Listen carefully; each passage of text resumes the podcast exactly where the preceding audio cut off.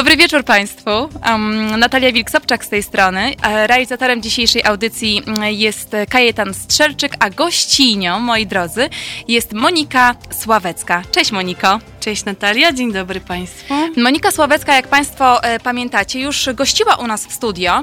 Jest autorką takich reportaży jak Alkohol, piekło kobiet, Balet, e, który niszczy, Traumatyczne historie ze szkół baletowych oraz moja pierwsza książka, którą dzisiaj wzięłam dla któregoś z Państwa. Tak. Dożywocie, czyli Zbrodnia i kara Małgorzaty Rozumeckiej. Tak jak się przed chwilą śmialiśmy, przez trzy lata byłam bywalczynią jednego z e, aresztów śledczych w Warszawie, e, Olszynka Grochowska, gdzie w trakcie, gdy pracowałam nad tą książką, swój wyrok odsiadywała słynna pani Słowikowa Monika Banasia. Mm. No to e, już właściwie zrobiłaś też taki wstęp, ponieważ o tej książce też e, chciałabym troszeczkę z Tobą porozmawiać, ale będziemy rozmawiać o tym między innymi, co to znaczy właśnie być reportażystką, reportażystą, na czym ta praca polega i nad czym w tej chwili mm, Monika pracuje. E, Także zapraszam Was, drodzy Państwo, także do kontaktowania się z nami. Kto pierwszy zadzwoni, otrzyma książkę Moniki Sławeckiej do żywocie.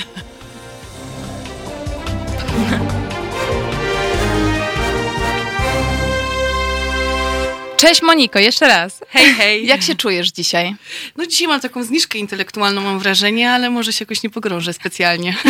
Dzisiaj być może jest taki dzień, dlatego że ja, drodzy Państwo, też chciałabym się z Wami podzielić tym, że choć się zazwyczaj jestem w dobrej formie, to dzisiaj też może jestem w dobrej formie, ale mm, mam taką, e, mam taki swój drugi dzień e, migrenowego ataku, który dzisiaj się pewnie skończy, dlatego że on trwa zazwyczaj dzień albo dwa dni i tak naprawdę to mam coś takiego od bardzo krótkiego czasu, chyba od roku mi się coś takiego mm, pojawia regularnie, raz na miesiąc. Mm, I jak kiedyś e, ktoś mi mówił, że ma właśnie migrenowe bóle głowy, to ja nie bardzo rozumiałam, o co w tym wszystkim chodzi. Że to ma taką skalę i w ogóle, Że nie? to ma taką że tak wpływa na skalę. nasze życie codzienne. A ja ci powiem No. ciekawostkę. Kto mnie wyleczył ze sławnych osób, muzyków, neurologów z moich migren, z moich bólów e, No migrenowych? coś ty. Kuba Sienkiewicz. No co ty? No, A jak on cię gitary. wyleczył? Oj, on... Ja byłam w szoku, bo Czy on mi zdradzić? Pewnie mogę, bo to było też miało miejsce wiele, wiele lat temu w sumie, chociaż tak wiele jeszcze nie żyję i cały czas jakby taką też walkę swoją wewnętrzną prowadzę z tym wiekiem. Em, to miało miejsce lat gdzieś 7-8, jak trafiłam do Jakuba. Ale faktycznie bóle migrenowe sprawiały, że musiałam zrezygnować ze swojego takiego obszaru zawodowego. Nie byłam w stanie być e, na tyle aktywna, jakbym chciała. Trafiłam do niego i on mi przepisał bardzo silne takie leki, które w ogóle wyszły z obiegu tutaj w Polsce lat temu X. Ściągaliśmy je gdzieś tam z Europy. Mm, Ale faktycznie po miesiącu bycia pod jego mm, opieką, te bóle po prostu z dnia na jakby na dzień minęły. Ale co nie? to za lek? Możesz powiedzieć? Absolutnie nie mogę powiedzieć, A, bo bo mówię, to one już będzie- wyszły u nas z obiegu, także to było wszystko takie załatwiane, bym powiedziała. No, tak. Możesz... Undergroundowo? Lubimy to, nie? Pewnie, pewnie jakieś narkotyki ci tam Nie, żadnych narkotyków. I cię wyleczyły już na maksa do końca życia z tego. No, y, faktycznie jest to taki stan dość, y, dość dziwny. Y, Na pewno w ogóle nie przyjemny, znaczy w ogóle nie jest przyjemny. To jest, to jest coś, co faktycznie bardzo zwala z nóg, osłabia, ale skupiłam sobie w aptece takie środki delikatne, ponieważ środków przeciwbólowych zazwyczaj w ogóle nie biorę, więc poprosiłam o takie delikatniejsze, powiedzmy, na, takie, na migrenę. No i pani mi e, zaserwowała, pani mm, farmaceutka mm, zaproponowała mi taki jeden lek. No i on zadziałał po Na trzech- bazie kanabisu. po, po dwóch, trzech tabletkach za, zadziałało, od, odpuściło. Um, jeżeli macie Państwo swoje sposoby na radzenie sobie z migreną, no to oczywiście dzielcie się. A ja przypominam, że, mm, że, że mamy tutaj książkę do obdarowania pierwszego z naszych e, słuchaczy, słuchaczek, którzy do Tak. nas zadzwonią.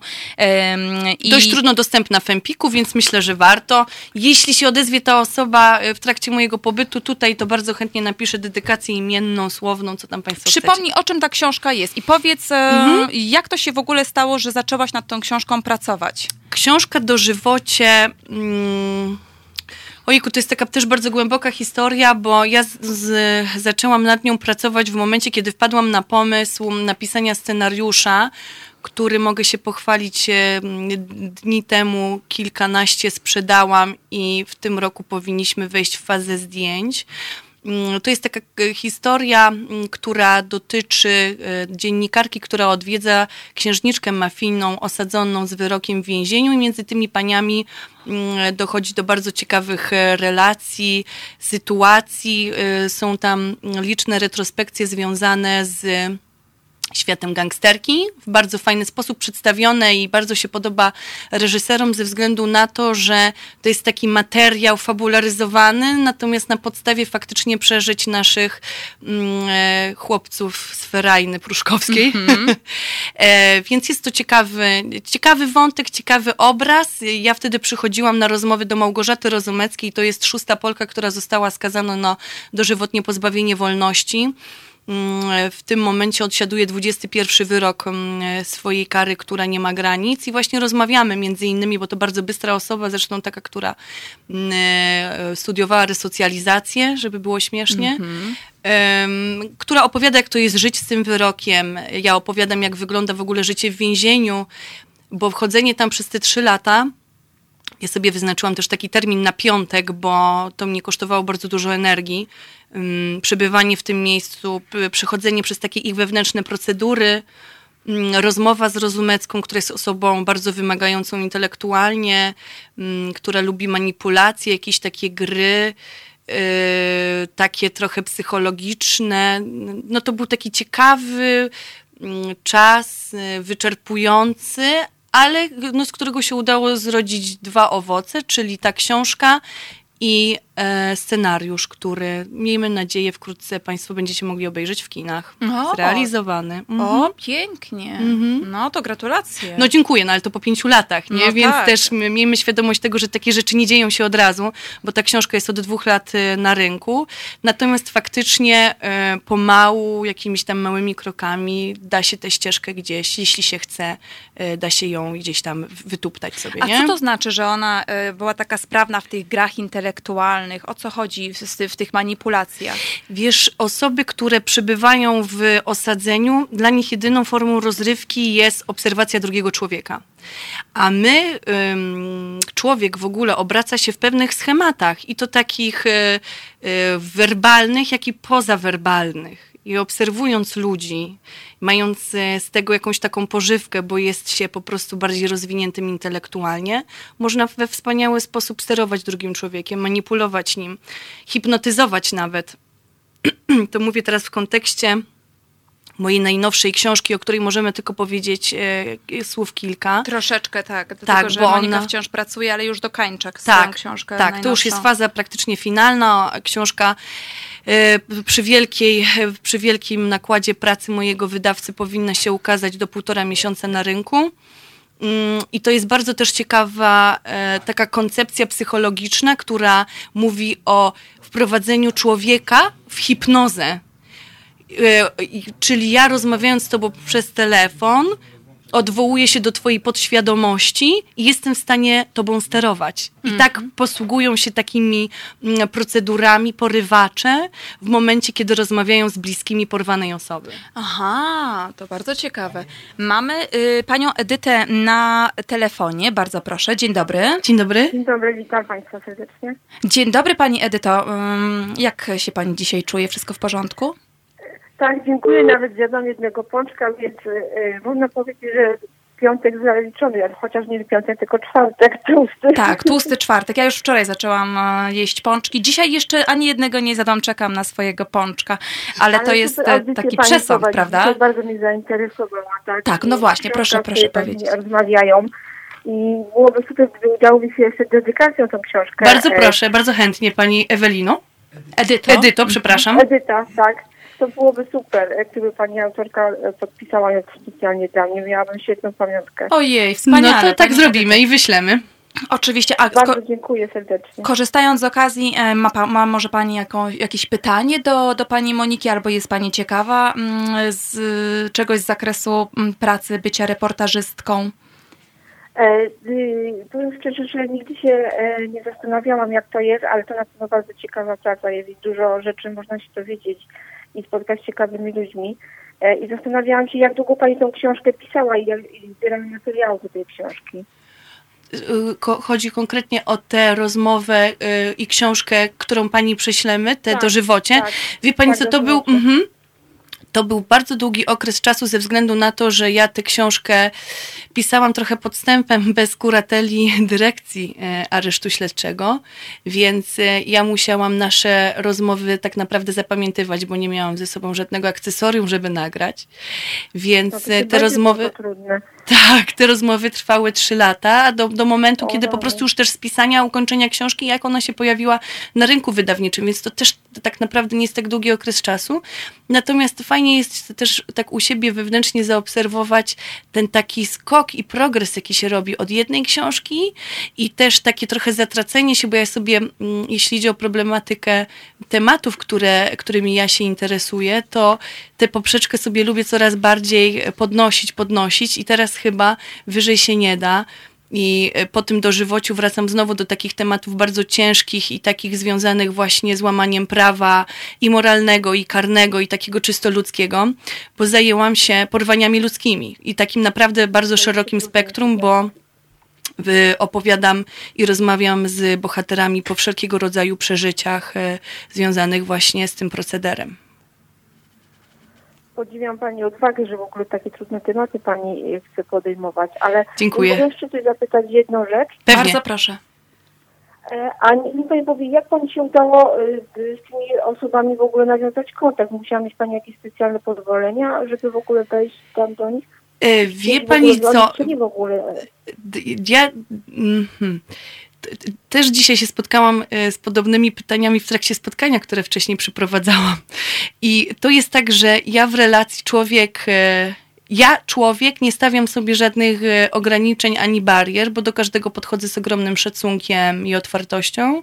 Dlatego ja nigdy, jakby to dla mnie nie stanowi problemu, żeby dotrzeć do człowieka, bez względu na to, czym on się para, w, bez znaczenia w jakim on przebywa miejscu, czy to jest jakieś miejsce zamknięte. Ja myślę, że jak są chęci, to i chęci i taki szczery, faktyczny zamiar i jakaś taka misja społeczna, bo mi przede wszystkim zależy też na tym, żeby trochę ludziom uświadamiać przy tej swojej pracy, to to się dzieje i tak jak do dzisiaj nie miałam e, problemu z, z otwarciem żadnych drzwi. Taka prawda. Mhm.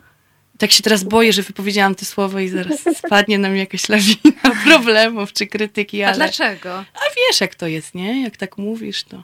Ja nie wiem. No i jeszcze za dużo nie powiedziałaś, wiesz. Staram się. No właśnie, bo nie możemy też za bardzo ciągnąć za język. Ja, ja Tak. też szanuję tutaj prośbę Moniki, jeżeli chodzi o jej nową pracę, nowy, no, nowy materiał.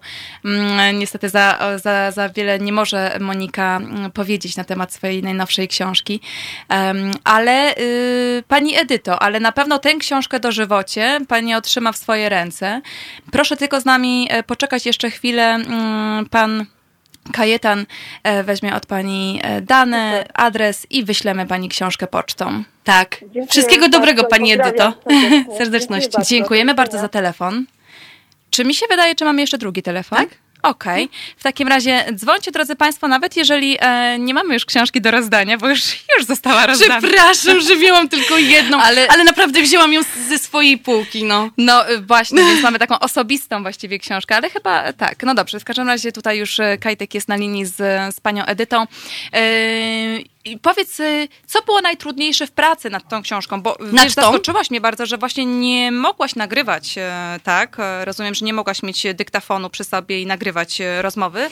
Czyli ja oczywiście właśnie- mogłam wystosować taką Tak. prośbę, natomiast y, mm, ze względu na wymiar kary i tego, co też zrobiła z osobą rozumeckiej, szeroko, szeroko rozumiana prasa, media, telewizja, sprawiły, że dyrekcja y, y, ówczesna nie chciała pójść na żadne ustępstwa ani specjalnie negocjacje. I tak naprawdę, dlaczego też ja do niej chodziłam jako osoba niezwiązana z nią w żadnych relacjach przez okres trzech lat, to kwestia tego, że ja wpływałam na jej resocjalizację bardzo pozytywnie. Ona zaczęła mieć bardzo fajne takie prognozy. Mm, e, I tam się psychologowie wypowiadali, że warto, bo ona też miała taki upust intelektualny, tak? Ona miała w końcu partnera do rozmowy, ona mogła poruszyć ze mną w trakcie dwugodzinnych spotkań taką y, wielowątkowość swoich przeżyć, a mimo tego, że to była osoba osadzona i zamknięta od dwóch dekad, to ona żyła cały czas y, jakby czasem i informacjami teraźniejszymi. I to jest tylko ciekawe, bo to ile ja wykonałam nad sobą testów, przebywając tam, to na przykład nigdy nie zabierałam ze sobą zegarka, żeby zobaczyć, jak to jest być w miejscu zamkniętym, odizolowanym, gdzie y, no, nic nie wskazuje tobie na upływ czasu.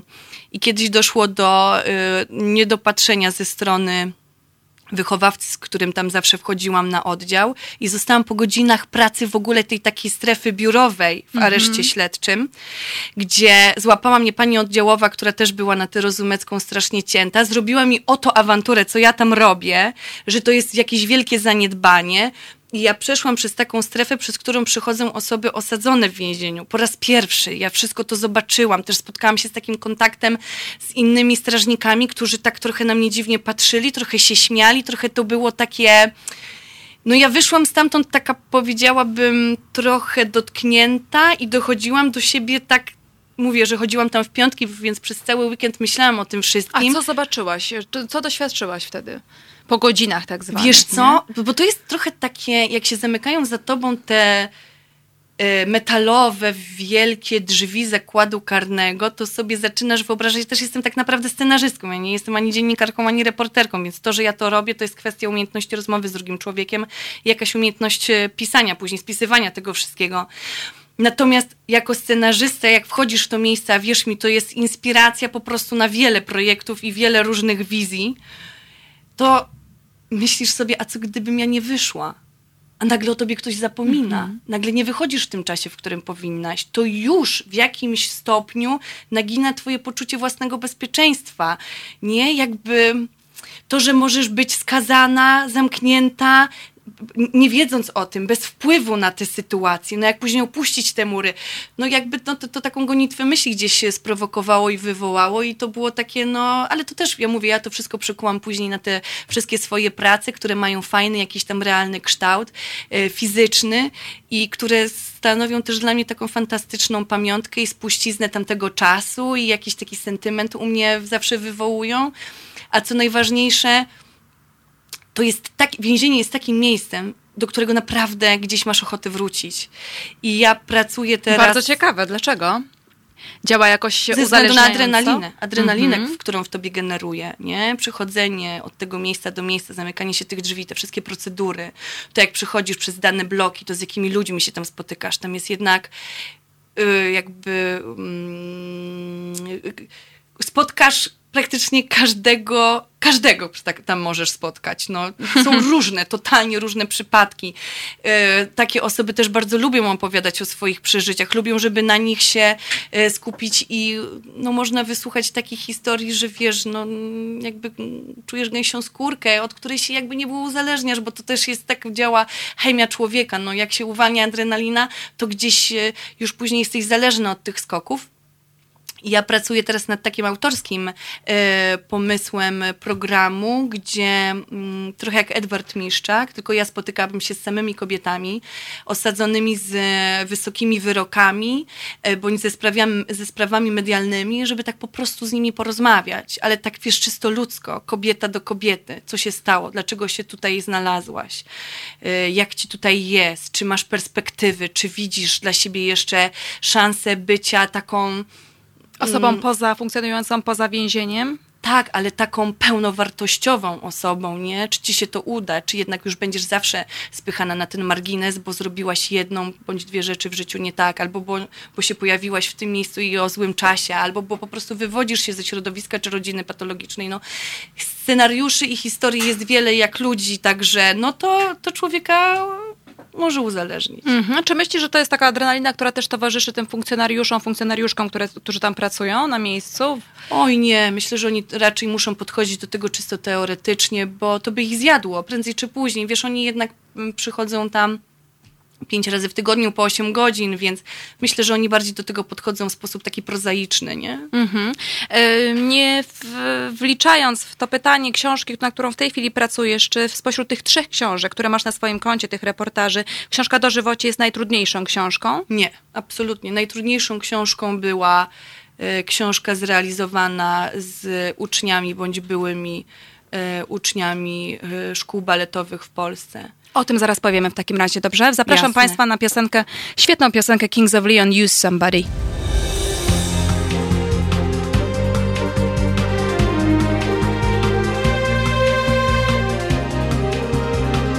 Halo Radio. Dobry wieczór Państwu raz jeszcze. Mm, Naszą gościnią jest e, Monika Sławecka. Dobry wieczór. Cześć Moniko raz jeszcze i tutaj mm, moi drodzy dziękuję za wasze komentarze. Mm, e, Des pisze e, Świetna rozmowa, pani Monika z niesamowitą charyzmą, świetna gościnik. Dziękuję bardzo. Anna 333, świetna gościnin, także no wspaniale. Bardzo, bardzo to są... bardzo, to słyszeć, Tak, to są bardzo. bardzo miłe słowa, dziękujemy. Em, natomiast współczuję e, tobie, Jarosławie, który piszesz, że ciebie e, ból e, migrenowy dopada co tydzień. Ojej.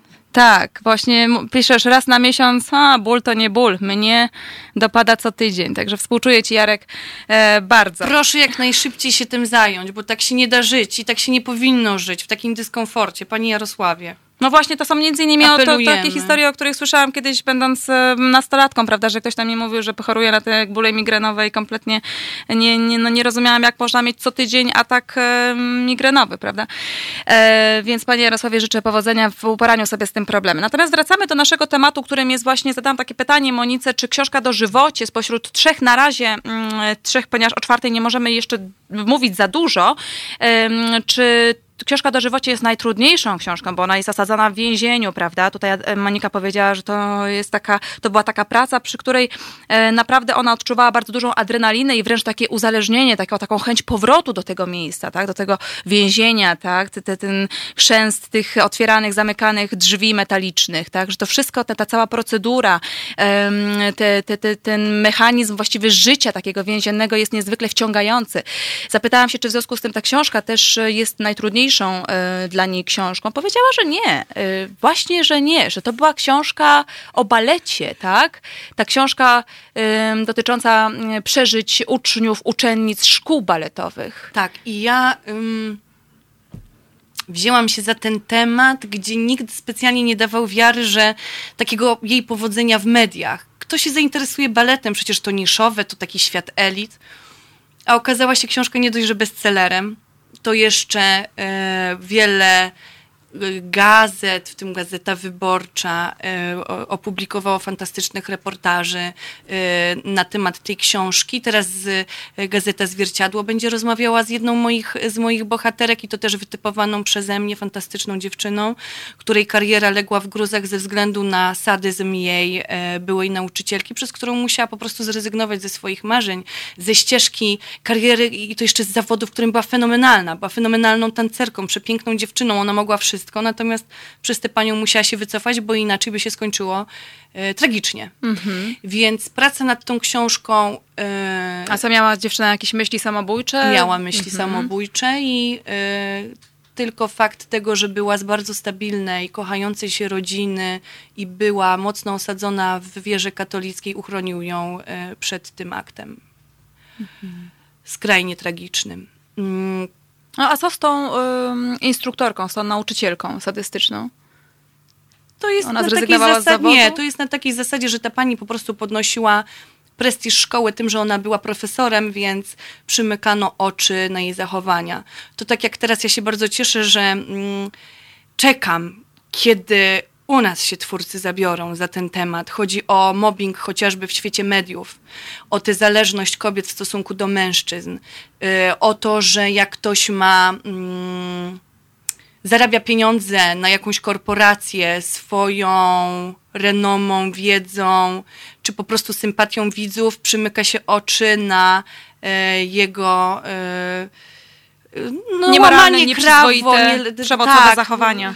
Takie, kiedy mnie od razu trochę umykają mi słowa, jak mnie ponoszą emocje, bo mi się przypominają konkretne sytuacje, więc cieszę się, że e, mm, tak jak w przypadku tej rozmowy przypominasz sobie e, dziennikarz, który przeprowadził rozmowę z bohaterką tego erotyku Blanki Lipińskiej, co ten film zrobiono, 385 dni i on molestował tę dziewczynę w trakcie rozmowy.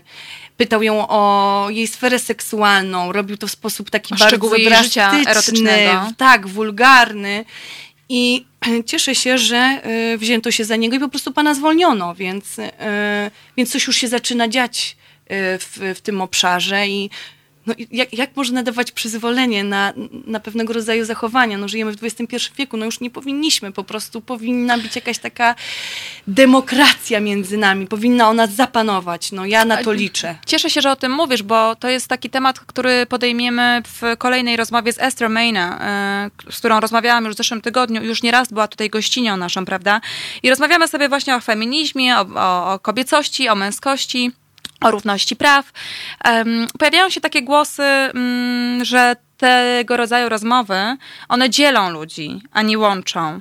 Natomiast e, właśnie e, jestem przekonana, że jest e, to, że cel nasz i intencja e, są jasne, czyli uświadamiać w kwestii nierówności, w kwestii e, nierówności między kobietami a mężczyznami, w kwestiach przemocowych, w kwestiach czasami naprawdę bardzo subtelnych przemocowych, takiej zawoalowanej przemocy, już nie mówiąc o no. takiej bardzo dosłownej i agresywnej e, i wyrazistej, prawda? Ale często są to akty takiej, e, takiego protekcjonalizmu, Tak. paternalizmu, prawda? Takiego wywyższającego się tonu em, ze strony mm, jakichś tam konkretnych osób, czy w ogóle Nawet nie chodzi o ton, tylko ci ludzie kobiet. działają w jakiś taki e, psychotyczny sposób, że nawet nie witają się z tobą, nie odpowiadają ci na dzień dobry, bo w ten sposób oni chcą pokazać swoją pozycję. No nie tędy droga, no ludzie przecież mamy jakoś spisaną kulturę między sobą i szacunek do drugiego człowieka.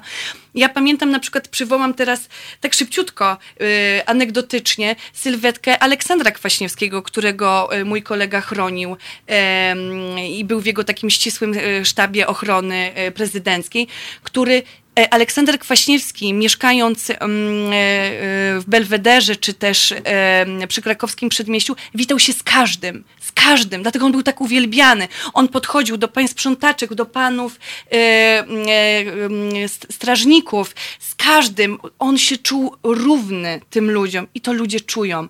Dlatego ja jakby też, dlaczego mi się udaje wchodzić w te em, takie trudne rejony, gdzie mnie gdzieś wpuścił ten hermetyczny świat e, baletu, bo też to nie było takie e, od razu łatwe, nie? No, jakby to jest świat zamknięty, niesamowicie hermetyczny. O tym się nigdy wcześniej nie mówiło. Wychodziły tam oczywiście jakieś pogłoski, plotki krążyły, czy jakieś e, legendy wręcz z tym związane, ale nikt dotychczas tego nie spisał, nikt tego nie zweryfikował tak naprawdę i to jeszcze osoba totalnie z zewnątrz.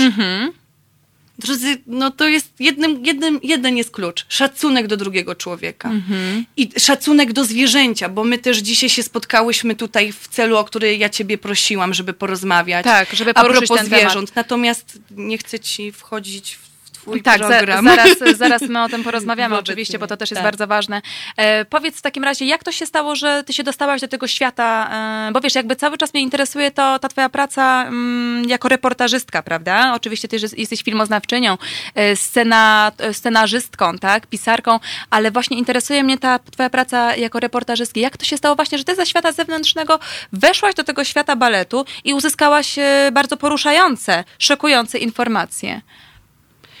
Yy, No tak, mówisz oczywiście, że to jest poprzez ten szacunek, tak? I taki, tak, tak, tak, nie ale tak mam ci postawę- powiedzieć e, pragmatycznie, jak to Tak, wyglądało. pragmatycznie właśnie, dokładnie tak.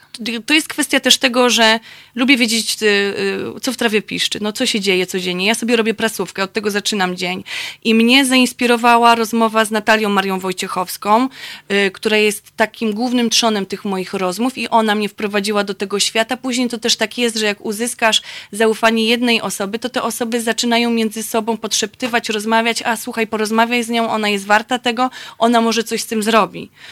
Więc tutaj też to, to jest taki, ten świat baletu my zahaczamy, natomiast to się później okazało być takim globalnym problemem w ogóle przemocy, przemocy w szkołach, tego na mhm. ile sobie pozwalają nauczyciele, bo tutaj akurat mówimy o tym kontekście, bo też wiemy, że przemoc jest w drugą stronę, ze strony uczniów, w stronę nauczycieli, którzy naprawdę mają niełatwy, y, niełatwy zawód i, i też bardzo żałuję, że kiedyś y, o zawodzie nauczyciela mówiło się z ogromnym szacunkiem i autorytetem i dla ciebie nauczyciel był taką osobą, którą byłaś wpatrzona i to, to też jakby ciebie kształtowało jako człowieka, czy jakąś twoją mm, przyszłą drogę życiową, a dzisiaj o nauczycielach się mówi w taki sposób wręcz kpiąco drwiący, co jest uważam ze szkodą po prostu dla nas i dla Oczywiście, naszych dzieci. Bardzo, bardzo często jest to też wina samych rodziców albo też innych nauczycieli, którzy podkopują e, po prostu autorytet e, kolegi i koleżanki po fachu.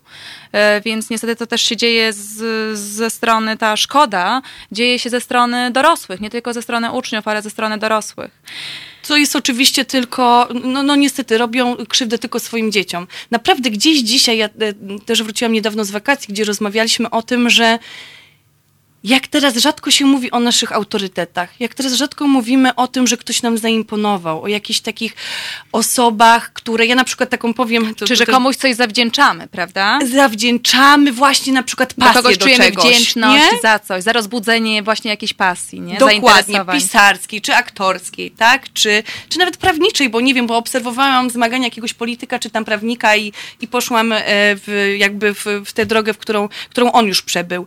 I, i, i rozmawiałam rozmawiamy i dzisiaj nie ma takich rozmów. Dzieci o tym nie mówią. Nie ma czegoś takiego. To gdzieś zaniknęło. Te autorytety gdzieś zaczęły być spłaszczane albo hej, są hejtowane. To jest też takie przykre i to jeszcze jaki to daje nam taki wyraźny sygnał, że coś się dzieje z nami nie tak. No wiesz, zasługi przypisujemy mm, sobie. No ale czego się możemy sami od siebie nauczyć? Jakby proste pytanie. Czego mhm. się sama od siebie nauczyłaś?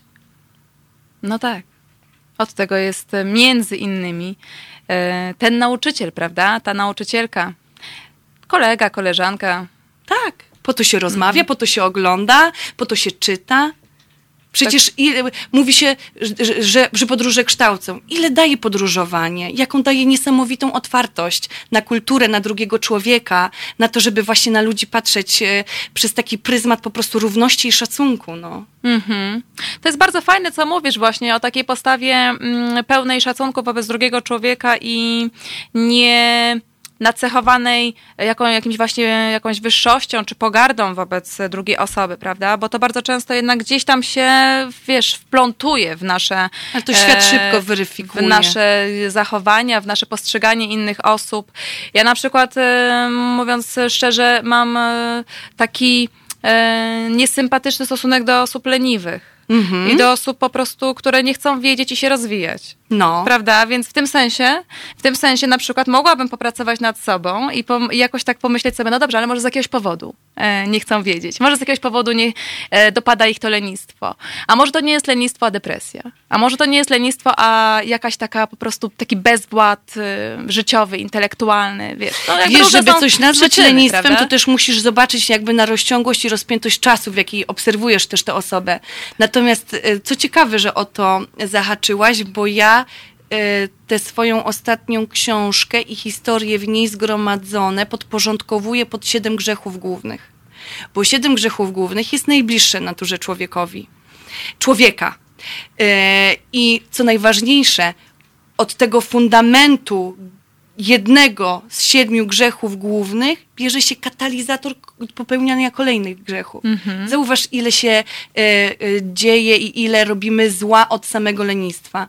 Od razu my sami się spychamy w niebyt, nie mamy pieniędzy, więc już jakaś patologia, już od razu kombinowanie, okłamywanie mamy cały wachlarz różnych takich degeneracyjnych, w sumie destrukcyjnych e, zachowań, prawda? Absolutnie. Które nigdzie nie prowadzą nas w życiu.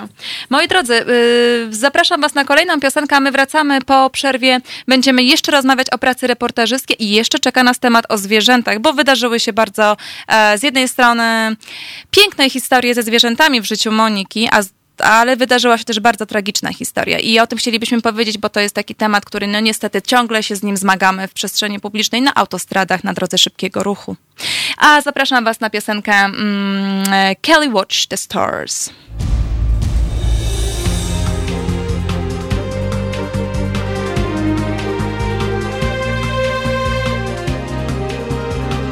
Halo Radio.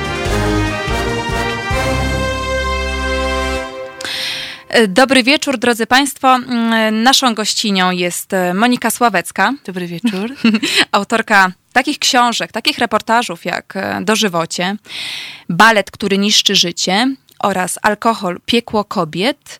No i teraz Monika pracuje nad nową książką o uprowadzeniach. Porwaniach. O porwaniach. Też bardzo mocny materiał. Najmocniejszy. Najmocniejszy teraz. Najmocniejsza, tak. Naj, mm, najmocniejszy materiał, e, gdzie... Ale nie będę uprzedzała. Mhm, no właśnie, bo też za dużo nie możesz powiedzieć. Natomiast ja chciałam się ciebie zapytać, bo na pewno słuchają nas osoby, które zainteresowane są taką formą literacką jak reportaż i e, też taki dziennikarski reportaż, taki bardzo wnikliwy, śledczy wręcz, tak? Um, myślę, że w jakimś sensie um, wyjmę to pytanie z ust e, niektórym naszym słuchaczom i słuchaczkom.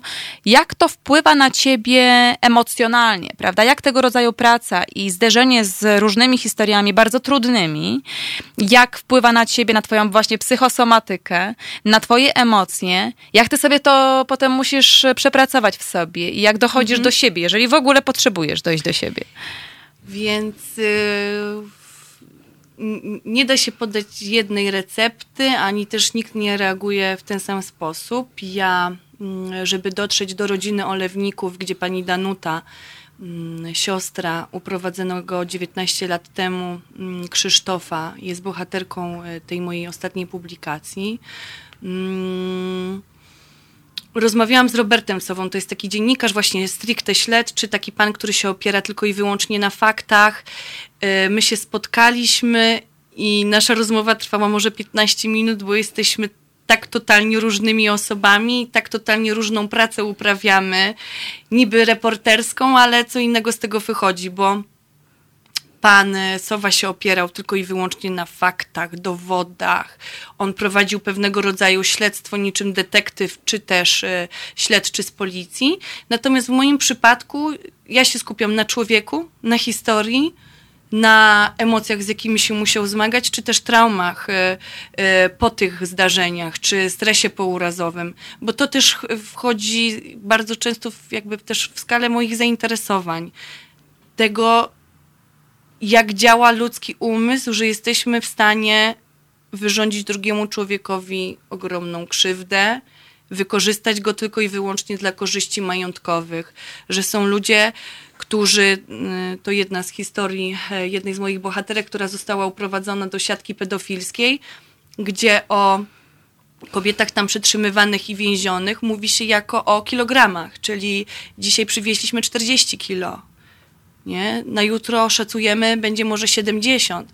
Wręcz w ten sposób przeprowadziłam też niesamowitą rozmowę, która mi otworzyła w ogóle klapki na tak wiele problemów i też... E, Możesz o tym mówić, Monika? Tak? Jakby tak? o tym powiem, bo to może też zachęci, a też mówię w sposób bardzo ogólny tak. i taki też e, Oczywiście uniwersalny, dobrze. który możemy sobie podporządkować pod wiele rzeczy.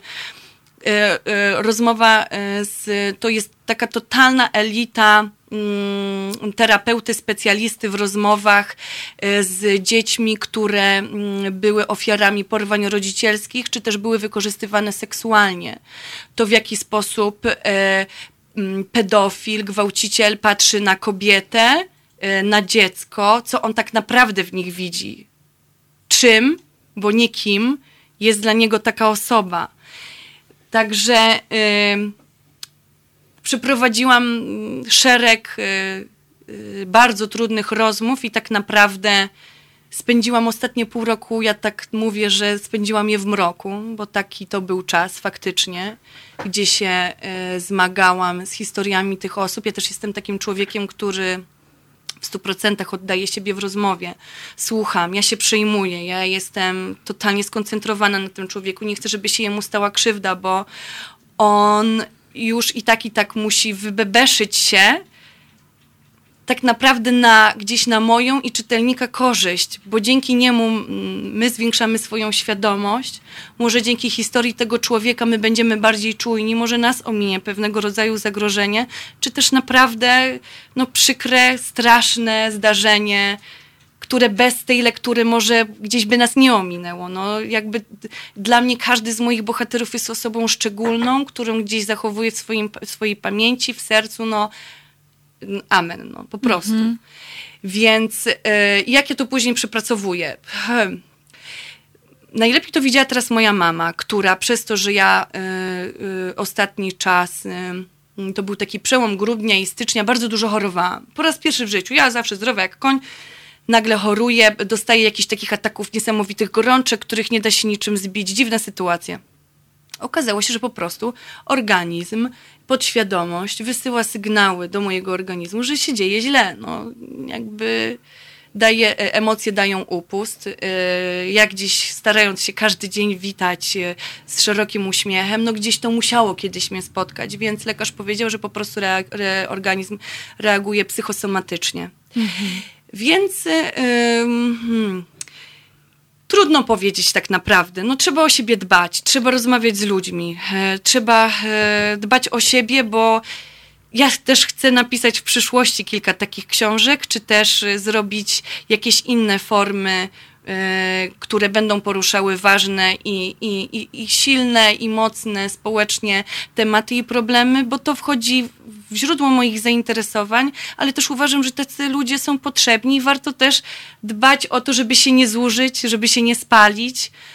Y, no bo jak dotychczasowa moja praca wskazuje na to, że pomogłam kilku osobom i dla mnie to jest najpiękniejsze świadectwo y, tego wkładu i tego, i, i, i, tego gromu pracy, który włożyłam. Teraz musisz w takim razie wziąć się za jakiś y, reportaż o rzeczy przyjemnej. Nie, w ogóle teraz mam taki swój czas totalnego luzu, hulanki, banictwy, banicji i, i absolutnie teraz taką sobie robię rehabilitację. Tutaj od Anny 333 masz taką radę. Anna jest chyba naszą fanką, e, twoją fanką też właśnie. Moja babcia mówiła tak, nie zadawaj się z baciarami. Kim jest baciar, można łatwo sprawdzić sobie w necie. Na nasze polskie, e, krakowskie kup sobie pączka z dziurką. No, więc mamy taką, okay. taką wskazówkę od naszej słuchaczki. Um, ta, przejdźmy teraz do takiej informacji, czy takiego apelu, tak? Już zakończymy e, naszą rozmowę o reportażu e, i o Twoich reportażach. E, pani Edyta otrzymała dzisiaj książkę Dożywocie. Zaraz książkę, podpiszemy tak, Pani właśnie, Edyty. Tak, podpiszemy, z, tak, dedykację wpiszesz, Monika. A właśnie chciałybyśmy też przejść do takiego apelu dotyczącego mm, szacunku dla zwierząt, dla zwierząt na drodze. To wynika z takich historii, które Monika miała ostatnio, przeżyła. Mogłabyś opowiedzieć coś o tym? Tak, i bardzo się cieszę, że Natalia mi udostępniła czas antenowy na to, żeby zaapelować do Państwa świadomości, trochę takiej otwartości.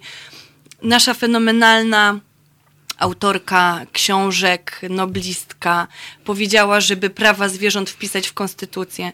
Drodzy Państwo, ja byłam świadkiem, kiedy na trasę szybkiego ruchu w Warszawie został wyrzucony pies na pewną śmierć. To jest trasa S8, trasa przelotowa, gdzie samochody osiągają e, prędkość 100-120 km na godzinę.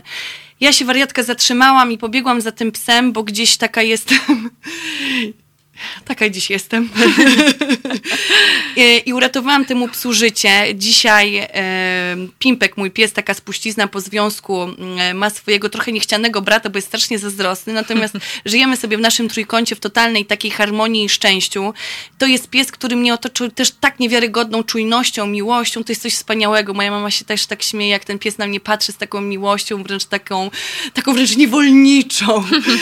e, więc... Zawdzięcza tobie życie. Zawdzięcza mi życie. Yy, Schronienie. Natomiast mówię o tym w kontekście historii, która mi się przytrafiła, też tak niefortunnie w ogóle dla y, ludzi, którzy przyjechali y, obojętnie tego psa. Zaraz w drugi dzień świąt, wracając z gór y, do Warszawy, miał miejsce wypadek, w trakcie którego pies po prostu wyskoczył mężczyźnie pod maskę samochodu, tak? Czyli taka sytuacja zero-jedynkowa, no uderzenie. Tylko, że mm, ten pan zainteresował się swoim samochodem zamiast z tym zwierzęciem. 60... Ale zatrzymał się? Zatrzymał się 100 metrów w ogóle od tego psa. Mhm. Ja też nie wiem, czy ten pies może przeszedł jakiś tam dystans, bo jak ten pan w końcu do mnie podszedł, po tym jak ja zatrzymałam swój samochód, to wierzcie mi Państwo, że byłam jedyną osobą, która zatrzymała samochód. Zaraz za mną stanął pan, który wyzwaniał Straż Miejską. Ja podbiegłam do tego psa, który był w opłakanym stanie, był cały zakrwawiony. 60-kilogramowy wilczur, e, gdzie ja jako dziecko zostałam zaatakowana przez wilczura, ale widząc stan tego psa, no, no nie dało się. Ja też e, jakby mm, emocjonalnie dałam upust, zaczęłam strasznie płakać nad tym zwierzęciem, bo gdzieś intuicyjnie czułam, że ten pies e, żegna się z życiem. Więc proszę mi wierzyć, On że to była trasa szybkiego ruchu A4 za Częstochową, gdzie przyjeżdżają samochód za samochodem. Drugi dzień świąt, wszyscy już wracali do pracy, do swoich obowiązków. Dopiero wówczas, jak ja zaczęłam przytulać tego psa i płakać nad nim, zaczęły się zatrzymywać samochody z zainteresowaniem, co się dzieje, co się stało. Dotychczas nikt temu psu nie udzielił pomocy. Tak, jakby na skutek e, tych obrażeń ten pies po jakichś 5-7 minutach zdechł mi w rękach, na- na rękach po prostu. Dla mnie to była jakaś katastrofa.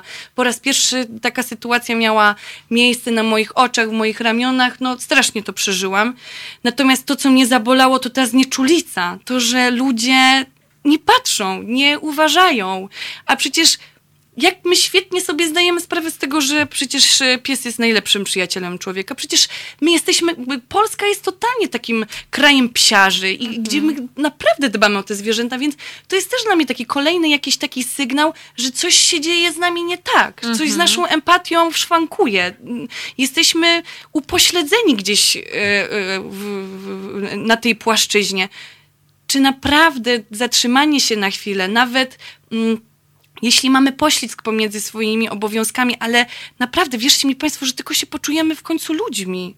Ile można cały czas biec do tego, żeby tylko powiększać jakby zasób swojego portfela? No, Albo załatwiać swoje Ludzie, sprawy, no. prawda? Mhm. ale załatwiamy też sprawy po to, żeby, żeby na skutek ich po prostu zarabiać pieniądze, nie? Jakby strasznie by mi na tym zależało, żeby ludzie się bardziej interesowali psami. To, to, to też mi koleżanka mówi w rozmowie, a bo u nas na wsi to się tak nie patrzy.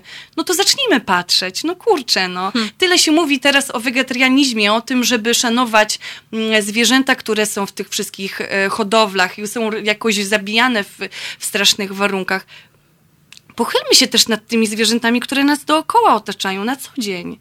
Jakby przecież staliśmy się drugim krajem w Europie, który jest najmocniej skoncentrowany na tym, żeby nie jeść mięsa. A gdzieś pomijamy najbliższych naszych przyjaciół. Dla mnie jakieś takie to jest niespójne, niefajne. I twój I cieszę się, że o tym mogłam powiedzieć. Bardzo się cieszę też, że mm, taki apel wystosowałaś właśnie o taką zwiększoną uwagę i czujność wobec tych e, zwierząt, które mamy dookoła, wobec psów, kotów, różnych zwierząt tak Pewnie, naprawdę. że tak. Znaczy, tutaj jeszcze, wiesz, jakby pojawia się taki nowy temat, e, temat wegetarianizmu, prawda? Na ile jesteśmy w stanie, e, osoby mięsożerne, na ile są w stanie, wiesz, zrezygnować z jedzenia mięsa i w ten sposób jakby, no, powiedzmy sobie chociażby tak ideologicznie, symbolicznie przeciwstawić się temu e, systemowi przemocy wobec tej inżynierii przemocy, prawda, w którą uwikłane są zwierzęta, zwierzęta hodowlane. A, Ale ale tak też szeroką skalę. na taką szeroką skalę tak naprawdę, wiesz. No to jest po prostu na taką ogromną, ogromną skalę w imię naszego, w imię naszego hedonizmu w gruncie rzeczy, tak? W imię naszego Hedonizm, komfortu, no tak? Zaspokojenia podniebienia. Zaspokojenia podniebienia, wiesz. Przepraszam. No właśnie, ale, ale jesteśmy tu i teraz i w temacie właśnie tej zwiększonej uwagi e, na te psy nieszczęsne, które chodzą drogami, na te zwierzęta nieszczęsne, które chodzą drogami, które, y, y, dla których warto się zatrzymać. Szczególnie dla tych, które po prostu są jakoś zranione, potrącone, tak? Kurczę, przecież ty, temu samochodowi się już nic nie stanie bardziej, no. O, ale ile osób jest takich, które dbają o tę maskę bardziej właśnie niż o zwierzaka, tak? Uderzyli, uderzyli w dzika czy w sarny, no ale najważniejsza jest maska. Nie wiem, rozmawiajmy z takimi ludźmi, starajmy się. No ja, nie, po ja to- nie mówię, nie, nie, nie krytykujmy, nie? Bo przez krytykę to tylko możemy zwiększyć ten problem Mhm, i jakoś i taką spowodować agresję, czy właśnie niechęć, nie? Mhm. Rozmawiajmy po prostu tak czysto po ludzku, z szacunkiem do siebie. No właśnie, takimi historiami się dzielmy, prawda? Stary, umyj psa zamiast bryki, nie? Mhm. Czyli co, Wilczur jest teraz e, w, w świecie... Gdzie jest teraz Wilczur? Nie wiem, nie myślę o tym. Ja teraz mam tego lupo swojego cudownego i cieszę się nim. Jest po prostu szalonym, wspaniałym psem. To jest też w nim takie piękne, że on po prostu codziennie rano jest jak taki nakręcony, bo on się tak cieszy każdym porankiem w moim domu, rozumiesz? Prawda? On chodzi, cieszy się, rzuca, u, u, turla się. Jezu, to jest po prostu, to jest po prostu tak, to jest taka... Z taką wdzięcznością pewnie, prawda? taką Podchodzi jest otoczony tą miłością, jest taki w szoku w ogóle, nie? Udało się, Fajne udało mi się życie. No, w końcu, nie? Dziękuję Ci Moniko za... Dziękuję za mega miły czas. Właśnie, dziękuję Ci za tę rozmowę, za to, że gościłaś u nas w studio. Porozmawiałyśmy o ważnych tematach. Drodzy Państwo, dziękuję za Waszą uwagę. Dziękuję. E, moją i Państwa gościnią była Monika Sławecka. Realizatorem e, tej audycji e, jest Kajetan Strzelczyk. Dziękujemy, Kajetan. E, ja nazywam się Natalia Wilk-Sobczak i zapraszam Państwa na kolejną rozmowę z Esther Mayna. Porozmawiamy o feminizmie, czyli o, o temacie, który Kajtka trochę... Nie, nie, Kajtek mówi nie, nie. Ja tylko wyjdę. Moi drodzy, zapraszam Was serdecznie i dziękuję Ci Moniko raz jeszcze za Dziękuję, rozmowę. Dzięki.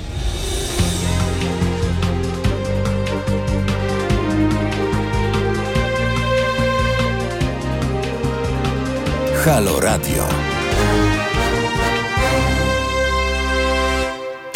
Dobry wieczór, drodzy Państwo. Mm, Naszą gościnią teraz jest Esther Mayna. Hello, Esther. Hello. Hello. This vibrant hello is just the best. Um, drodzy Państwo, Wy już znacie Esther. Z Esther rozmawiałyśmy nieraz, e, prawda, na antenie radia e, Halo Radio. Rozmawiamy zazwyczaj o czym? Rozmawiamy zazwyczaj o feminizmie, o tym, co to znaczy być kobietą, e, o kobiecości, o relacjach między kobietą a mężczyzną. I my dzisiaj sobie też porozmawiamy o podobnych sprawach.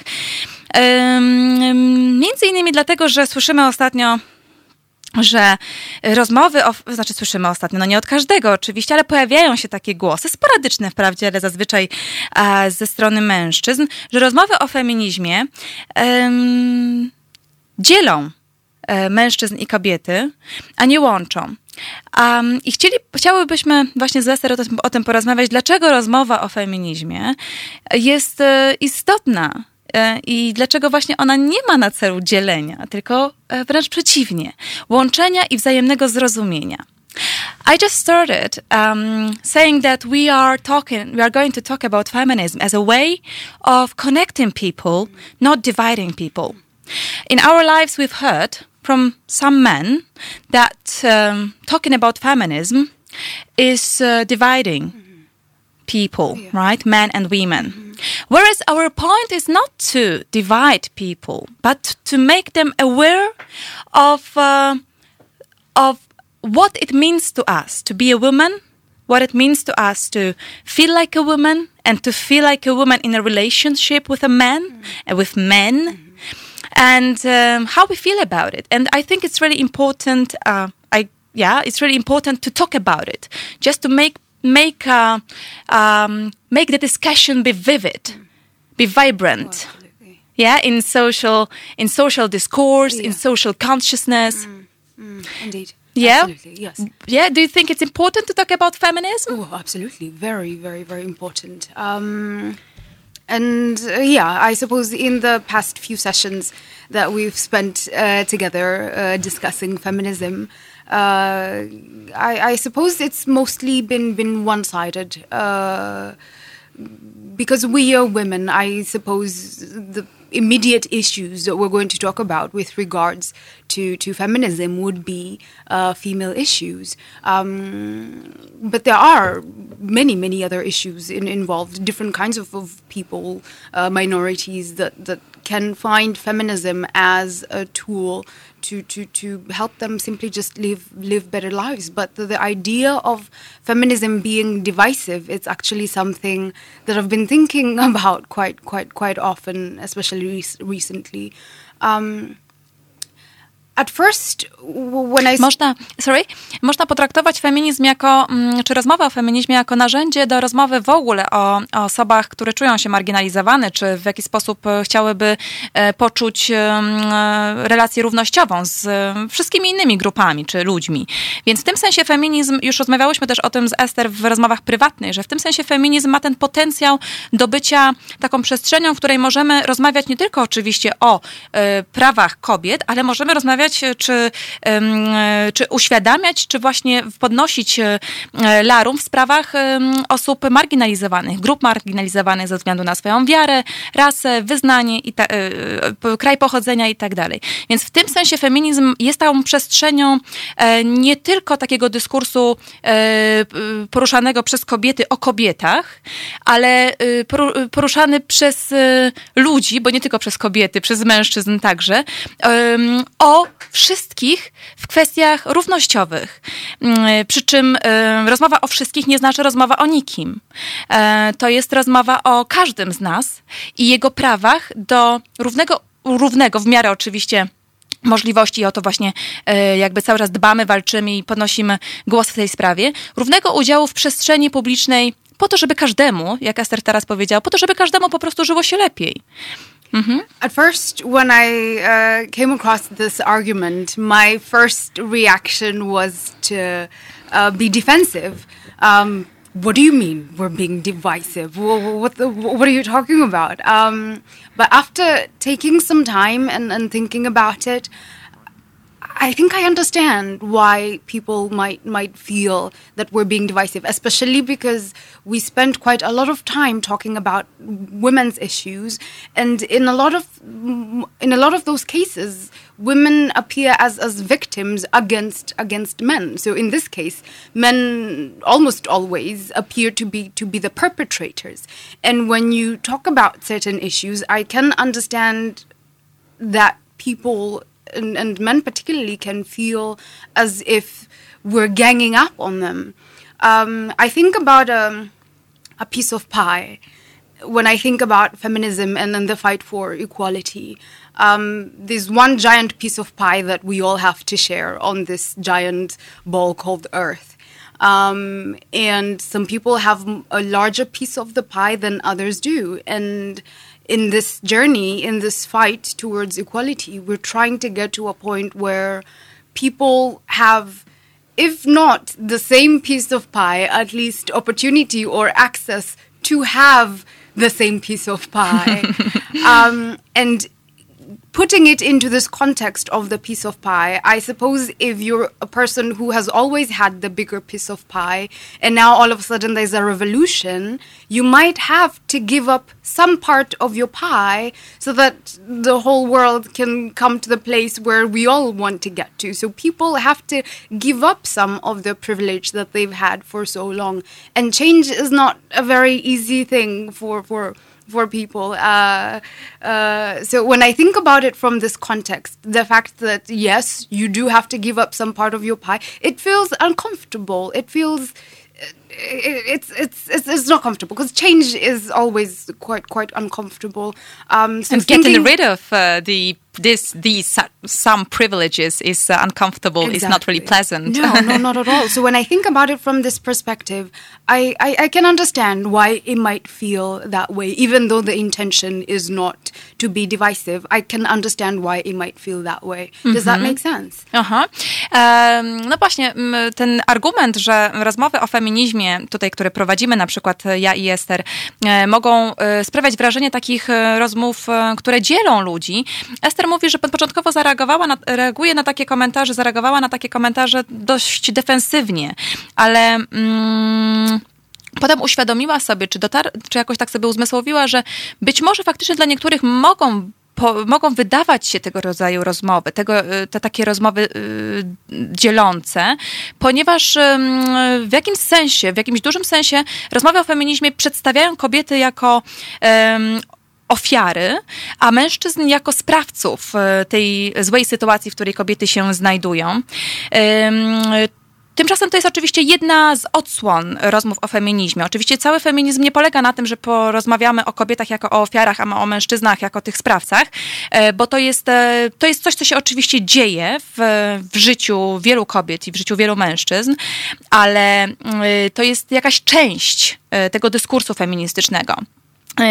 Tutaj Ester podała taką e, metaforę tego y, ciastka, znaczy tej szarlotki, y, że w sumie y, rozmowy o feminizmie, między innymi takie rozmowy o feminizmie, mają na celu zbudowanie przestrzeni, w której, czy zbudowanie takich możliwości, w których możemy e, dostąpić tego przywileju, e, żeby każdy z nas miał mniej więcej podobny, podobnej wielkości kawałek tej szarlotki. Tą szarlotką jest świat. Tą szarlotką jest życie, uczestnictwo w życiu publicznym, uczestnictwo w świecie. I w tym sensie jakby rozmowy o feminizmie mają też być takim, y, takim czynnikiem sprzyjającym do tego, żebyśmy y, starali się zbudować te równe szanse, przy czym oczywiście y, wywołuje to oczywiście kolejną rozmowę o sprawiedliwości. To jest rozmowa bardzo, już dużo bardziej złożona, e, skomplikowana, bo to jest rozmowa też filozofia sprawiedliwości, polityka sprawiedliwości. Ale mówiąc w takim e, wręcz potocznym, kolokwialnym e, znaczeniu, Wszyscy mniej więcej rozumiemy, o co chodzi w kwestii równości. Chodzi też chodzi między innymi o to, żeby pozbawić się trochę tego, e, pozbawić się trochę tych swoich przywilejów, których być może mam dużo, dużo więcej niż ktoś inny. No tak, tylko że może, you know, maybe we, some people have more privileges because they have been working on it. And some people have not been working on it. Right. Sure. So you know how to how to differentiate between uh, those uh, these privileges that should be you know abandoned Okay.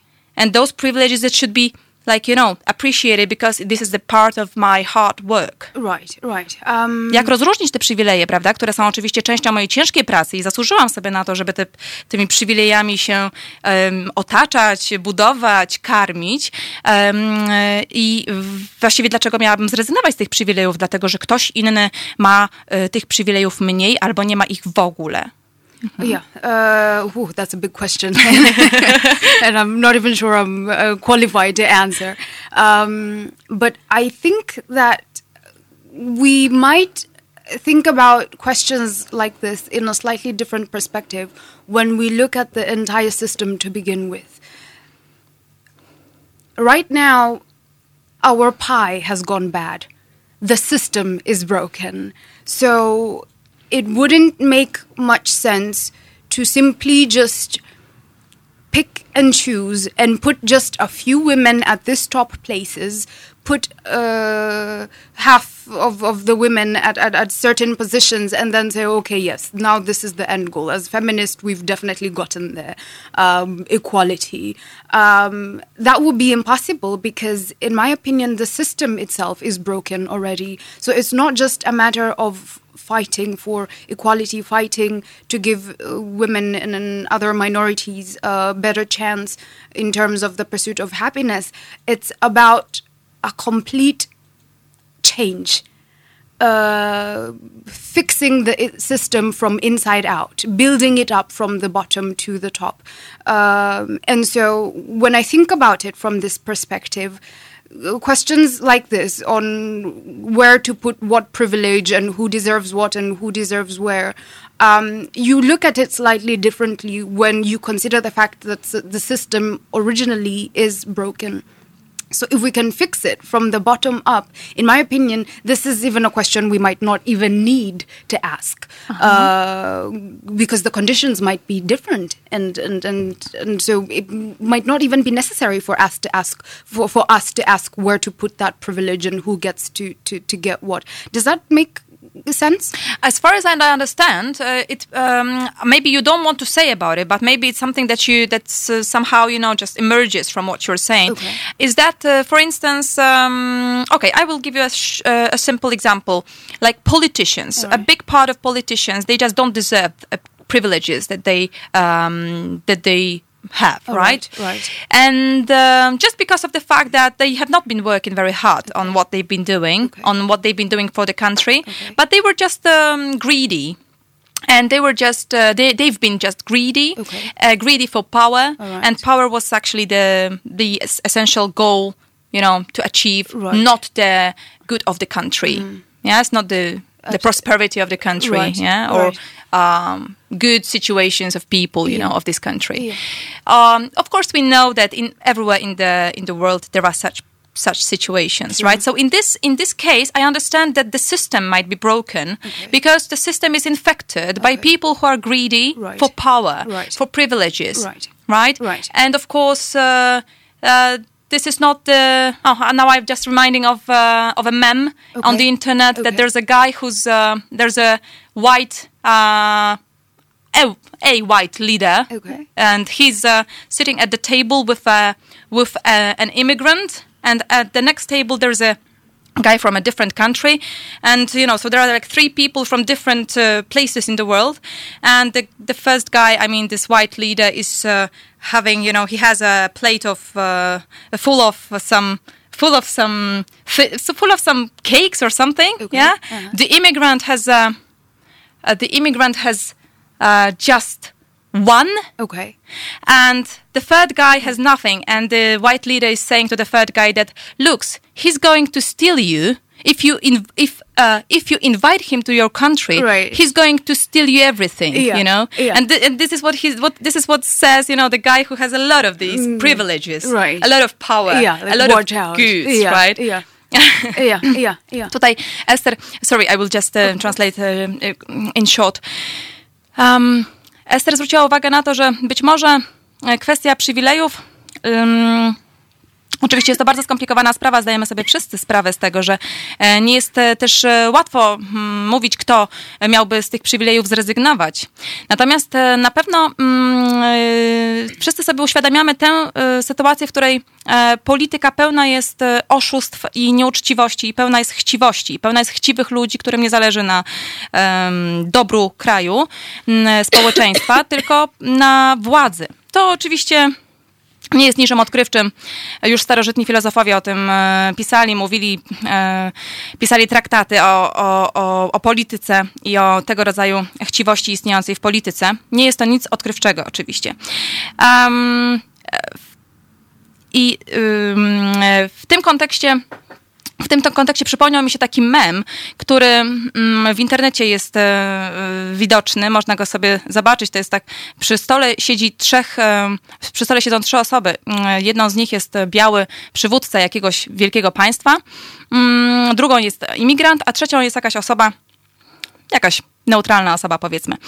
E, w tym sensie mm, neutralna, dlatego że e, zostaje mm, postawiona w takiej sytuacji, że biały przywódca, m, który ma na talerzu bardzo dużo jakichś ciastek, mm, Obok niego jest imigrant, który na swoim talerzu ma jedno ciastko, a tamten, ta neutralna w cudzysłowie osoba, nie ma nic. No i ten biały przywódca mówi do tej osoby neutralnej: e, Zobacz, jeżeli zaprosisz go do swojego kraju, to on ci ukradnie wszystko.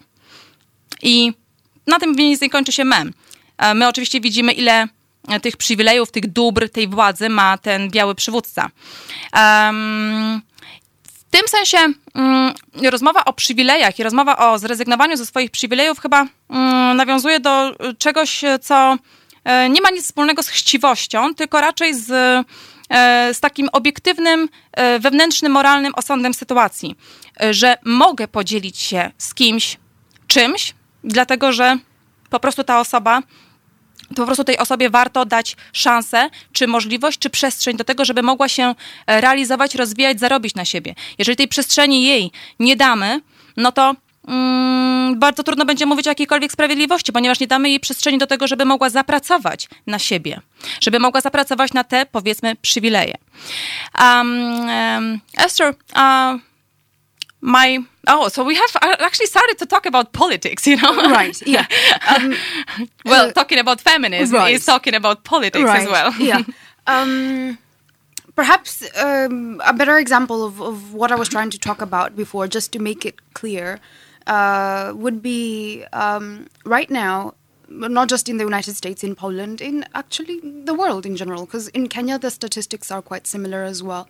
Um, young boys and then men are at a higher rate of, of suicide than, than, than women. So more young boys are killing themselves at a higher rate than, than young girls. Um, when we say things like boys don't cry or men shouldn't cry, you know, this kinds of words and this kinds of, of, of behaviors, they set our young boys up to be very dominating men in, in, in, in the future. Um, just as an, an example, um, what's another example? When I think about uh, the criminalization of, of, of men, you find that we have uh, more men in our prisons than we have women. Uh, you find that uh, a man is more likely to be arrested for a crime than a woman is simply because he is a man and men are criminals and I guess women aren't. um, and perhaps another example would be our rape cases. You find that at this particular point, we are still not where we should be in terms of believing believing women when they say that they've been assaulted or they've been raped. Um, however, you will find that in some situations there have been false accusations of men that have actually found themselves in jail for a crime that they didn't commit. So, despite the fact that we are working on believing girls more when they tell us this. There's also the fact that all of this is crowded in a very complex situation whereby we still have situations where men are being falsely accused. I remember I came across a, a story recently, I think it was on MN, uh, MSNBC or ABC or something like that, of. Um, a man that actually spent one and a half years in prison for a rape crime that he never committed. Um, I put these examples on the table to show that feminism is not a fight for just us women. It's a fight for everybody um, because inequality for us creates inequality for everybody else. Putting us in this position puts everyone else in an also uncomfortable position. Uh, last time we talked about injustice. Um, anywhere being a threat to justice everywhere. And this is a clear example of that happening in terms where constantly we have all these women being raped, telling us that they have been raped, and us not believing them. And then we have other situations where women tell us that they have been raped, and then we believe them, and then it actually turns out that they were lying. Mm-hmm. And so it makes it even harder to get to the truth and to get to justice because for so long we haven't believed these women. And so now it puts us in this situation. So this is a problem for everyone, men included, especially because more of them are dying faster than any of us are mm-hmm. uh, because of suicide, because of the problems that society has created. So this is a problem for, for everyone. I suppose it's my responsibility as, as a feminist to, to discuss this problem wholly. Um, not just picking parts and pieces, uh, trying to bring everyone together to show that, that, that we only have each other. Um, okay. My fight is your fight as well. Uh huh. Yeah. Wait, wait, wait, wait, wait, wait, wait. now let me let me gather these things together, you know. no dobrze. no właśnie, czyli tak. Esther, Esther powiedziała teraz, że feminizm w tym sensie jest taką rozmową i walką o wszystkich i o każdego, nie tylko o kobiety i o równość e, kobiet w przestrzeni publicznej w świecie, w dostępie do, e, do równych szans, e, ale to jest też takie zabieganie o to, feminizm jest taką, takim narzędziem, można powiedzieć, walki zabiegania o to, żeby i mężczyznom było lepiej.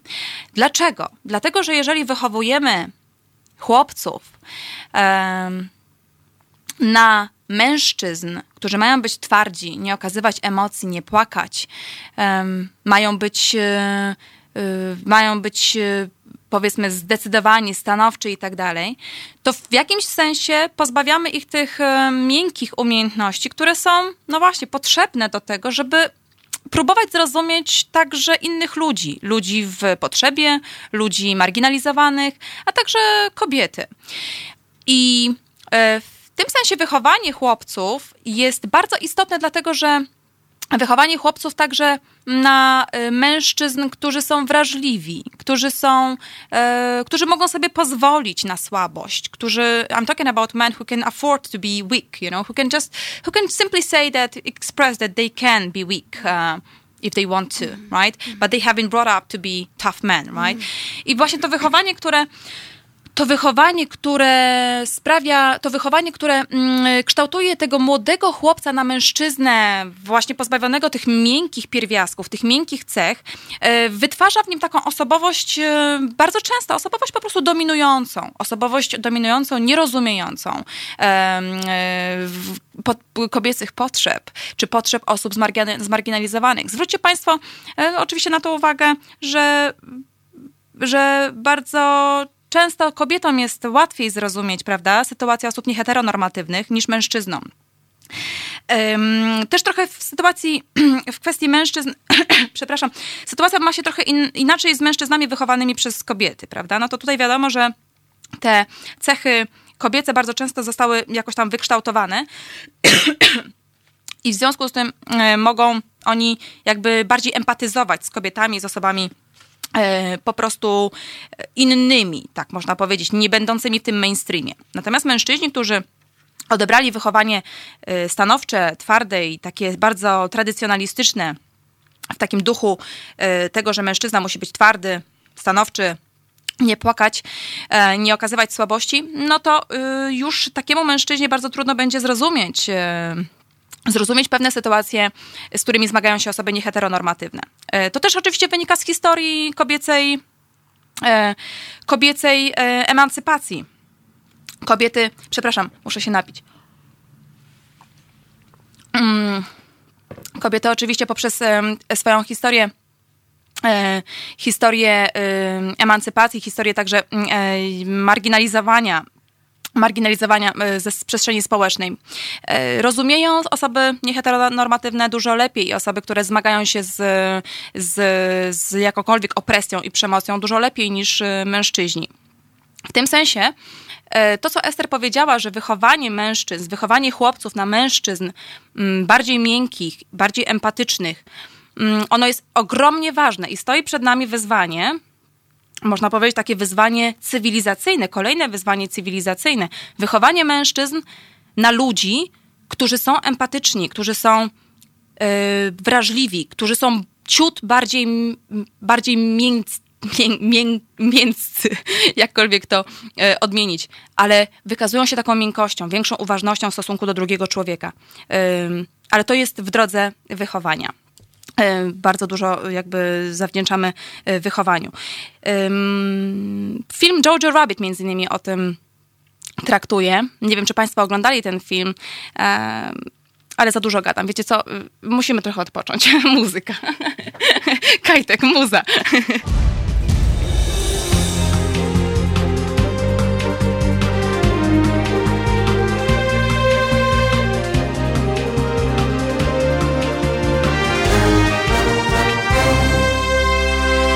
Okej.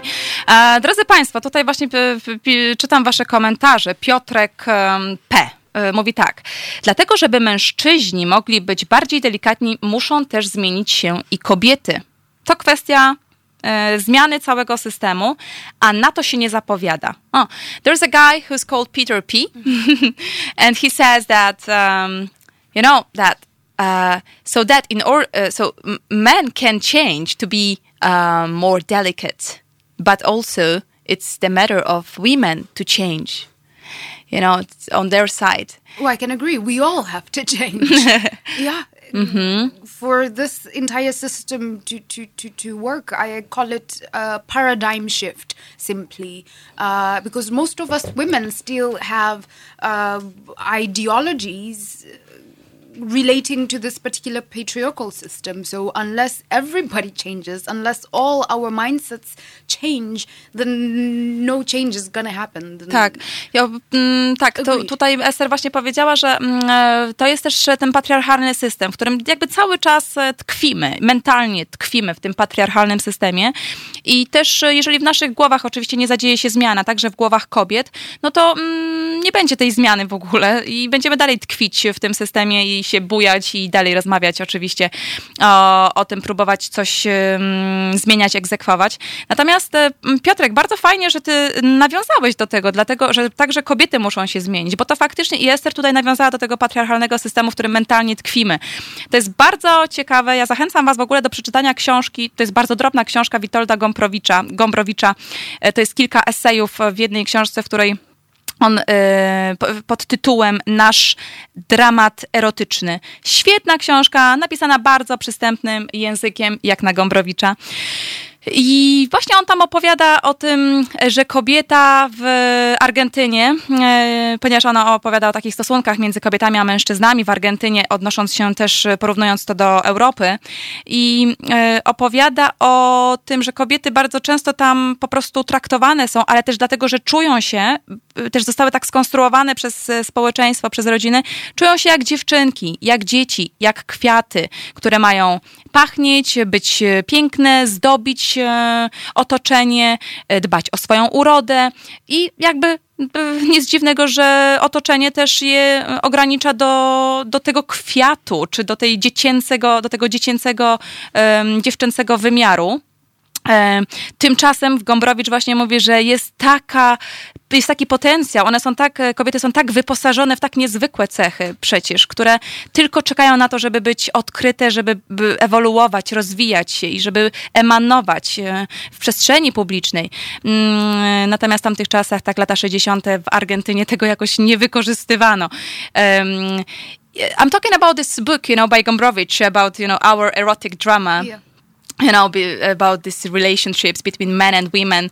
And he says that uh, women are uh, in argentina they were treated like i don't know how it's now. I'm talking about the book that was written at that time 60s and in argentina talking about argentinian realities. About uh, how women are treated there how were treated there like children like a child. A woman was treated like a child like a flower like a decoration decorative element you know not like a person who has uh, an intellect a character you know a personality an identity you know a complex identity. But just like a person who has to take care of her beauty Right. and nothing else you know just waiting you know looking out of the window and waiting for a uh, for an ideal guy to come. Right, Prince Charming. exactly. Which when we just look around and when we talk to some women it still exists this kind of this kind of scheme this kind of paradigm right? It still exists. And um, and so that's why i thought of uh, when peter p just wrote that you know women also have to change i thought of this book right? And um, uh, guys I, ac- I i would like to ask a question to esther about flirting in poland a, chciałabym zadać takie pytanie, może bardziej osobiste. Ester, e, już zejść trochę z tego politycznego, takiego tematu publicznego, a we- wejść bardziej na taki personalny, e, prywatny e, poziom. Zapytać się właśnie o to, jak ona e, flirtuje z mężczyznami. Czy z mężczyznami w Polsce da się flirtować? I jak to się, jak to można porównać do e, mężczyzn w innych krajach i do takich relacji e, z innymi, z innymi mężczyznami z innych krajów. Uh, so how is it to be flirting in Poland in comparison to, you know, to be flirting with guys in Kenya, for instance, or in other places in the world? Right. Uh, in Poland, excuse me, I would say that it's it's almost non-existent. Uh, if, Flirtowanie w Polsce z mężczyznami nie istnieje. if I have to compare it, uh, Gdybym miała to porównać Kenya. do mężczyzn w Kenii. right? Um, I mean, I, as a teenager, I remember simply just walking down the streets of, of, of Nairobi and having there's a different feeling the way the way people look at you the smiles that you get. Um, sometimes someone will even run after you just to say hello and to try to get your number.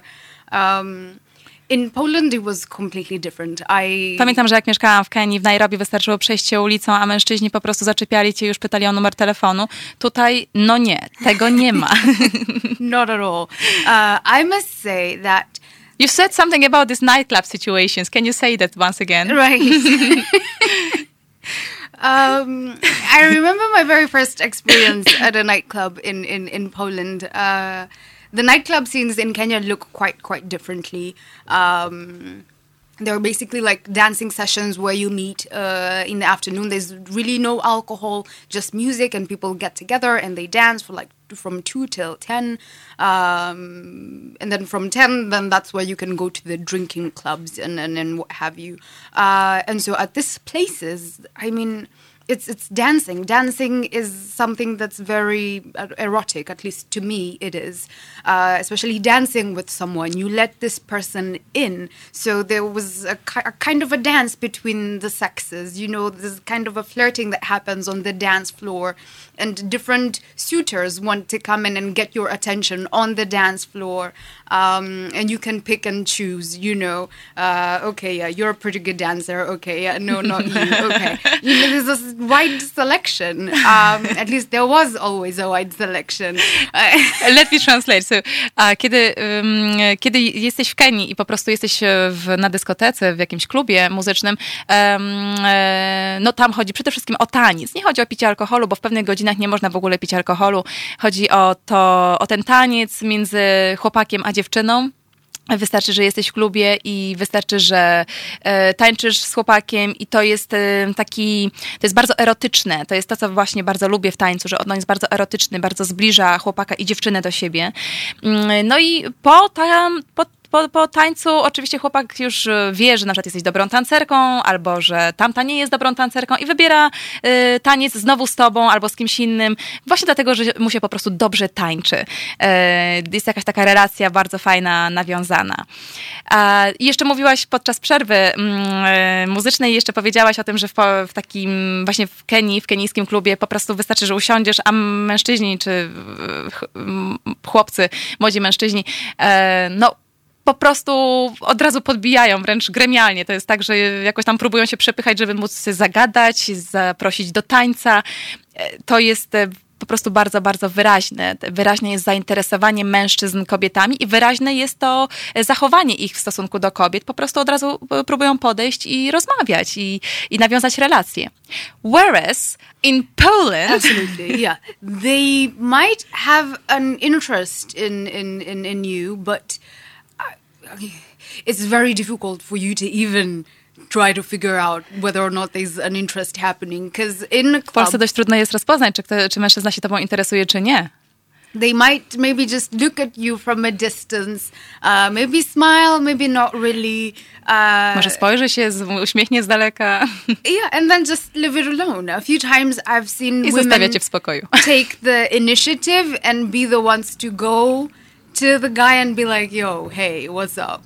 Um, which I but find it, has been a rare situation, right?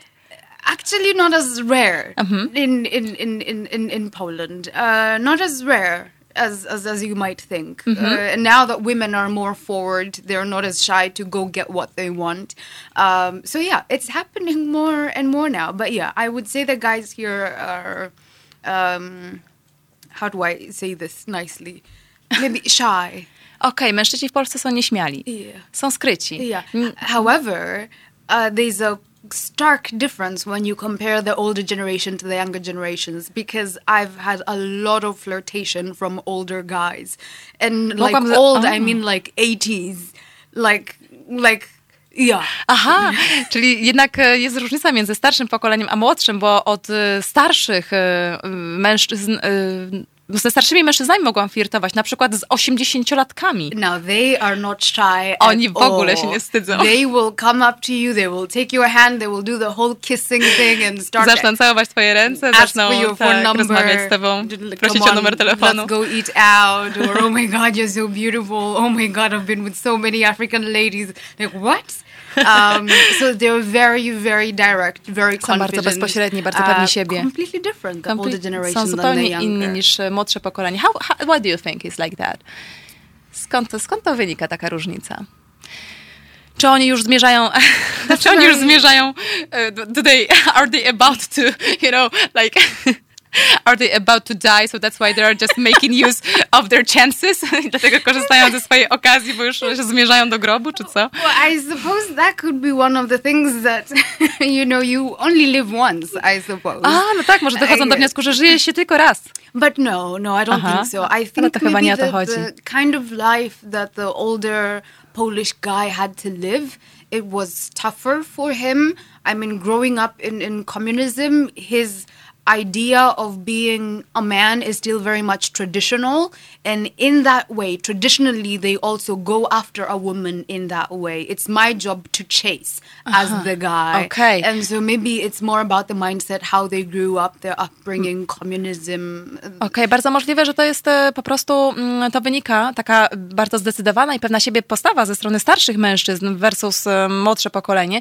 Wynika z tego, że oni po prostu przeżyli, e, czy żyli w czasach trudniejszych, żyli w czasach e, po prostu trudniejszych, wojny, komunizmu i też zostali wychowani w takiej tradycyjnej, mm, e, w, tradycyjnej rodzinie, zostali wychowani w tradycyjny sposób, w tym sensie tradycyjny, że to ich rolą jako mężczyzny było zabieganie o kobietę, zabieganie o dziewczynę i to po prostu być może, tak Ester właśnie przypuszcza, że być może to im po prostu zostało, tak, że to jakby moją rolą jest zabiegać o, męż- za, zabiegać o kobietę, a, a, nie, a nie jej rolą, tak, i, jestem w tym e, odważny. Ojejku, mamy dwie minuty, tylko nie, nawet jedną. Kajtek mówi jedną. E, no właśnie, no więc, e, no więc, drodzy panowie, no z tym flirtowaniem u nas dosyć, e, dosyć e, słabo jest. E, dosyć słabo. W takich nawet casual situations flirting is kind of difficult, right? Oh, yeah. Oh, absolutely. Yeah. Let's talk about it next time. I mean, you know, just when you when you when you come here uh, again. So I think that's gonna be a great topic to talk about. You know, about eroticism and about flirting. Eroticism, um, like per, you know, perceived or meant as a as a public sphere. You know, of of of having relationships with uh, people. Yeah, between different between sexes. You know, with different people. Yeah. Uh, not between only one man and one woman, Right, right? But yeah. just you know, this all these things are just Yeah, going on. dynamics. Exactly, all these all these dynamics which is going on around here, you know, between people, you know, in the street, in the shop, in the pub, yeah, Yeah. at the restaurant, at school, at work, right? Absolutely. Uh, I, I I wish there would be more flirting. yeah. Thank you very much, Esther. Thank you for coming to the studio. Thank you for talking to us. Thank you for having me. Yes, thank you very much. Dziękuję bardzo Ester, dziękuję Państwu za uwagę. Realizatorem dzisiejszego spotkania był e, Kajetan Strzelczyk, a ja nazywam się Natalia Wilk-Sobczak i zapraszam Państwa za tydzień.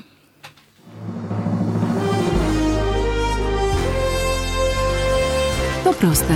Żeby robić medium prawdziwie obywatelskie, potrzebujemy Państwa stałego wsparcia finansowego. Szczegóły na naszej stronie www.halo.radio, w mobilnej aplikacji na Androida i iOS-a oraz na koncie Fundacji Obywatelskiej w serwisie www.patronite.pl. Naszym darczyniom i darczyńcom serdecznie dziękujemy. www.halo.radio. Słuchaj na żywo, a potem z podcastów.